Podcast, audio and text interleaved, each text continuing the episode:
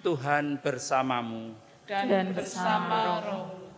Inilah Injil suci Yesus Kristus menurut Santo Yohanes. Dimuliakanlah Tuhan. Akhirnya Pilatus menyerahkan Yesus kepada mereka untuk disalibkan. Mereka menerima Yesus. Sambil memikul salibnya, ia pergi keluar ke tempat yang bernama tempat tengkorak. Dalam bahasa Ibrani, Golgota. Dan di situ ia disalibkan mereka dan bersama-sama dengan dia disalibkan juga dua orang yang lain. Sebelah menyebelah. Yesus di tengah-tengah. Dan Pilatus menyuruh memasang juga tulisan di atas kayu salib itu bunyinya. Yesus orang Nazaret, Raja orang Yahudi. Banyak orang Yahudi yang membaca tulisan itu, sebab tempat di mana Yesus disalibkan letaknya dekat kota, dan kata-kata itu tertulis dalam bahasa Ibrani, bahasa Latin, dan bahasa Yunani. Maka kata imam-imam kepala orang Yahudi kepada Pilatus, "Jangan engkau menulis raja orang Yahudi, tetapi bahwa ia mengatakan, 'Aku adalah raja orang Yahudi.'" Jawab Pilatus, "Apa yang sudah kutulis tetap tertulis."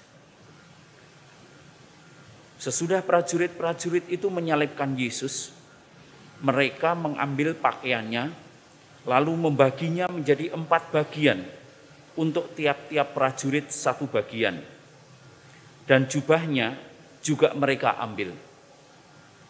Jubah itu tidak berjahit, dari atas ke bawah hanya satu tenunan saja.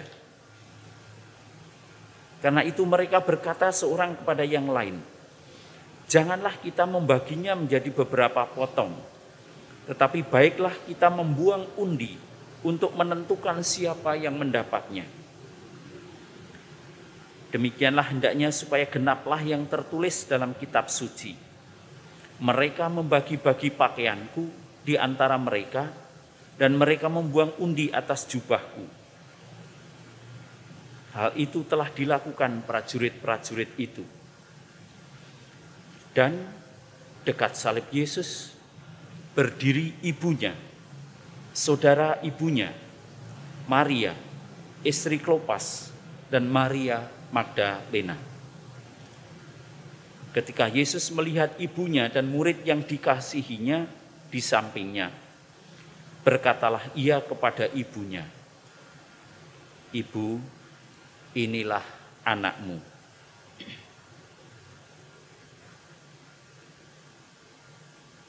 Kemudian katanya kepada murid-muridnya, inilah ibumu. Dan sejak saat itu murid itu menerima dia di dalam rumahnya. Demikianlah Injil Tuhan. Terpujilah Kristus.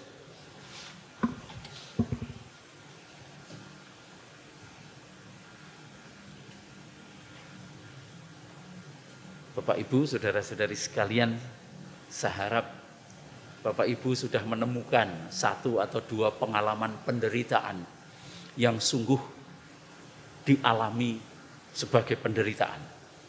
Atau tidak pernah menderita. Yang tidak pernah menderita silahkan angkat tangan. Saya kira setiap orang punya penderitaannya sendiri. Setiap hari punya penderitaannya sendiri dan setiap orang punya salibnya sendiri-sendiri. Dan marilah kita terangi penderitaan kita itu dalam terang sabda Tuhan dan peristiwa salib Yesus. Santo Ignatius mengajari orang-orang yang melakukan latihan rohani untuk mohon rahmat yang dimohon rahmat itu adalah supaya boleh mengalami kesusahan bersama Kristus yang susah. Mengalami kehancuran hati bersama Kristus yang hancur hatinya. mengalami air mata, sengsara batin. Itu sengsara batin itu kalau orang Jawa mengatakan hati ini kayak diremet-remet gitu ya. Dan kesengsaraan itu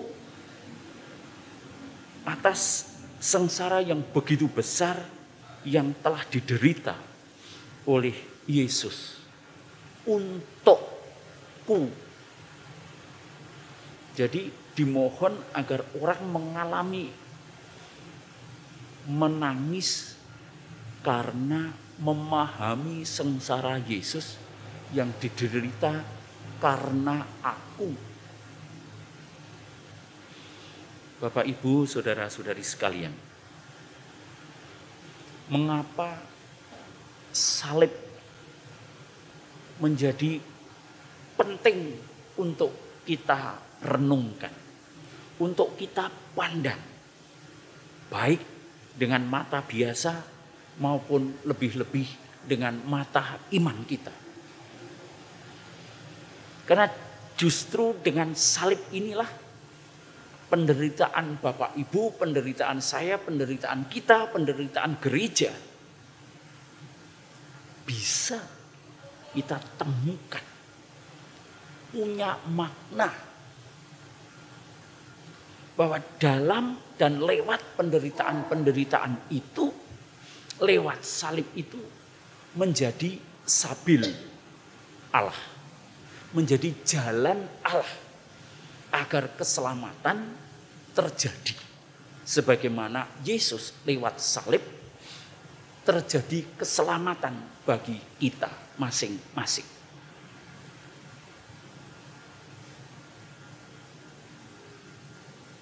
Apa yang kita temukan dalam salib Yesus? Apa yang kita temukan dalam salib dan penderitaan kita sendiri-sendiri?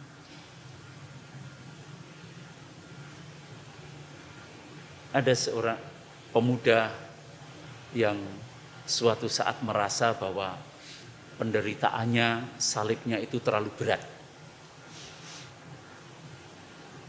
Dan dia protes pada Tuhan. Lalu nekat membawa salib itu ke pintu surga. Sampai di pintu surga dibukakan oleh Santo Petrus, pokoknya aku harus ketemu Yesus. Oke, diajak ketemu Yesus. Begitu ketemu Yesus langsung menyatakan protesnya. Tuhan, kenapa aku harus menanggung salib seperti ini, beban saya ini. Terlalu berat, sorry. Bisa enggak aku ganti? Yesus dengan tenang, eh sabar, sabar. Yuk, jalan sama saya. Lalu Yesus menuntun pemuda ini ditemani oleh Santo Yusuf. Lalu Santo Yusuf membawa pemuda ini masuk dalam sebuah gudang yang sangat besar dan dalam gudang itu penuh dengan salib macam-macam ukuran, macam-macam bentuk dengan segala macam keindahan dan yang rusak-rusak dan segala macam. Lalu Santo Yusuf dengan tenang. Mana salibmu? Taruh di sini dulu. Sekarang setelah salibmu kamu taruh di sini, silahkan kamu jalan. Kamu cari salib mana yang paling cocok untuk dirimu. Santo Yusuf masih dengan peralatan tukang kayunya mendampingi pemuda itu jalan.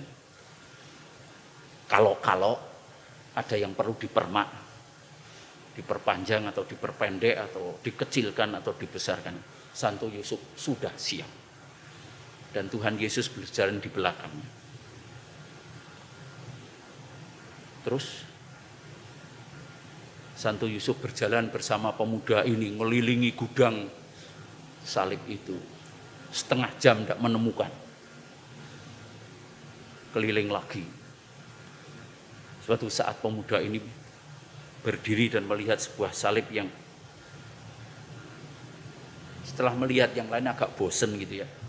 Terus menemukan ini, ini kok kayaknya cocok. Terus dilihat-lihat, ditimbang-timbang, Eh, kayaknya oke aku pakai ini. Terus dia bilang sama Tuhan Yesus dan Santo Yusuf. Tuhan, dah aku dapat ini saja. Baik. Santo Yusuf tanya, apa perlu dipermak? Saya sudah siap. Oh, enggak perlu, enggak perlu, udah pas ini, udah, udah. Oke. Saya pulang ke dunia. Baik. Begitu keluar dari gudang, diantar ke pintu surga untuk ke dunia lagi, Santo Yusuf bilang, Mas, salib yang Anda bawa itu adalah salib yang tadi Anda letakkan, yang Anda bawa dari bumi tadi. Oke ya, selamat panggulah salibmu. Bapak Ibu, saudara-saudari sekalian. Apa yang telah Tuhan berikan kepada kita masing-masing sudah cocok dengan kemampuan dan situasi serta tujuan kita hidup masing-masing. Sudah cocok. Tidak usah dipermak. Yang perlu dikembangkan adalah sikap kita menerimanya, menjalani hidup kita ini.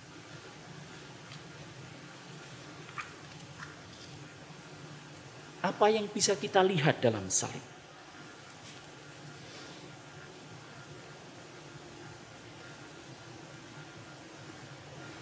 Ada dua orang disalibkan bersama-sama dengan Yesus. Apa artinya? Santo Paulus melihat peristiwa ini bahwa Yesus yang adalah Allah berani dan mau merendahkan dirinya sendiri, tidak mempertahankan kealahannya, tetapi menjadi manusia. Dan bahkan mati di salib. Kalau Yesus ditempatkan di tengah-tengah dua orang itu, adalah sebuah pewahyuan agung salib Yesus bahwa Yesus mau di tengah-tengah kelemahan-kelemahan, di tengah-tengah penderitaan kita masing-masing. Jadi kalau kita menderita, kalau kita mengalami salib, Ingat, Yesus ada di samping kita. Yesus ada di tengah-tengah kita. Makanya Injil menunjukkan ada dua orang lain yang disalibkan bersama dengan Yesus. Tidak usah khawatir. Di samping kita ada Yesus yang juga disalib. Apalagi yang bisa kita timba dari salib Yesus. Mereka membagi-bagi pakaiannya.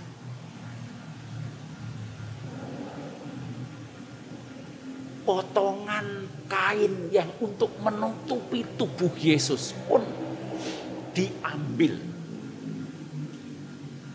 Yohanes ingin mengatakan habis-habisan. Dan tidak ada lagi yang tersisa dipertahankan oleh Yesus. Dalam salib Yesus, kita melihat Yesus yang mencintai kita habis-habisan dan benar-benar habis. Bahkan pakaian saja dilepas. Tidak ada yang tersisa dalam tubuhnya. Dalam salib kita diajak untuk menemukan apakah aku habis-habisan mencintai saudara-saudariku? Apakah aku habis-habisan mencintai keluargaku? Apakah aku habis-habisan bertanggung jawab pada hidupku dan hidup anggota keluarga? Apakah aku menyisakan sesuatu untuk diriku sendiri? Tidak bagi Yesus. Dan undangannya adalah agar kita juga mau habis-habisan. Maka hubungannya dengan Ekaristi adalah inilah tubuhku yang diserahkan bagimu. Inilah darahku yang ditumpahkan bagimu. demi pengampunan dosa. Maka dalam salib Yesus adalah penyerahan yang habis-habisan demi keselamatan kita. Bapak, Ibu, saudara-saudari sekalian, ada yang tidak hanya penderitaan yang kita temukan dalam salib, tetapi kita juga menemukan komunitas yang sangat indah. Dan dekat salib Yesus berdiri ibunya, saudara ibunya, Maria, istri Klopas, Maria Magdalena, dan disebut juga murid yang dikasihi. Ada sebuah komunitas kecil yang setia sampai di bawah salib Tuhan. Dan apa yang terjadi di sana? Luar biasa. Dan ini menjadi penting. Ketika Yesus melihat ibunya dan murid yang dikasihinya di sampingnya. Berkatalah Yesus kepada ibunya. Ibu, inilah anakmu. Dan berkata kepada murid itu, inilah ibumu. Dalam salib Yesus kita menemukan, Yesus tidak meninggalkan kita. Tetapi Yesus hadir bahkan tetap memberikan perlindungan yang maha hebat inilah ibu. Kita mendapatkan ibu yang terus menerus dan selalu mendampingi kita. Jadi Bapak Ibu kalau ada penderitaan, ada salib di dalam hidup kita. Mengapa kita tidak lari? Kenapa kita tidak memeluk ibu kita yang telah diberikan oleh Tuhan pada kita? datanglah pada ibu kita. Datanglah pada Maria. Karena Maria juga mendapat misi khusus dari Tuhan. Ibu, inilah anakmu. Kita semua adalah anak-anak Maria. Dan Marialah yang menuntun kita terus-menerus agar tetap setia pada Tuhan. Dalam doa yang tadi diucapkan oleh lektris sebelum kita misa. Dan juga ada dalam doa yang diucapkan dalam klips pemuda tadi. Ada tiga hal yang penting yang menjadi perlu menjadi kesadaran mendarah daging kita apa yang telah aku lakukan demi Yesus tersalib. Dua, apa yang sedang aku lakukan, yang sedang aku kerjakan bagi Yesus tersalib. Dan ketiga, apa yang akan aku lakukan bagi Yesus tersalib. Salib kita penderitaan kita menjadi penderitaan menjadi salib dalam arti iman kalau dalam penderitaan itu akhirnya kita melahirkan keselamatan baik bagi diri kita sendiri maupun maupun bagi orang yang kita cinta.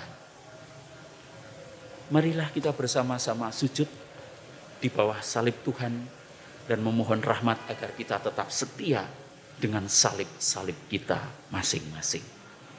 Amin.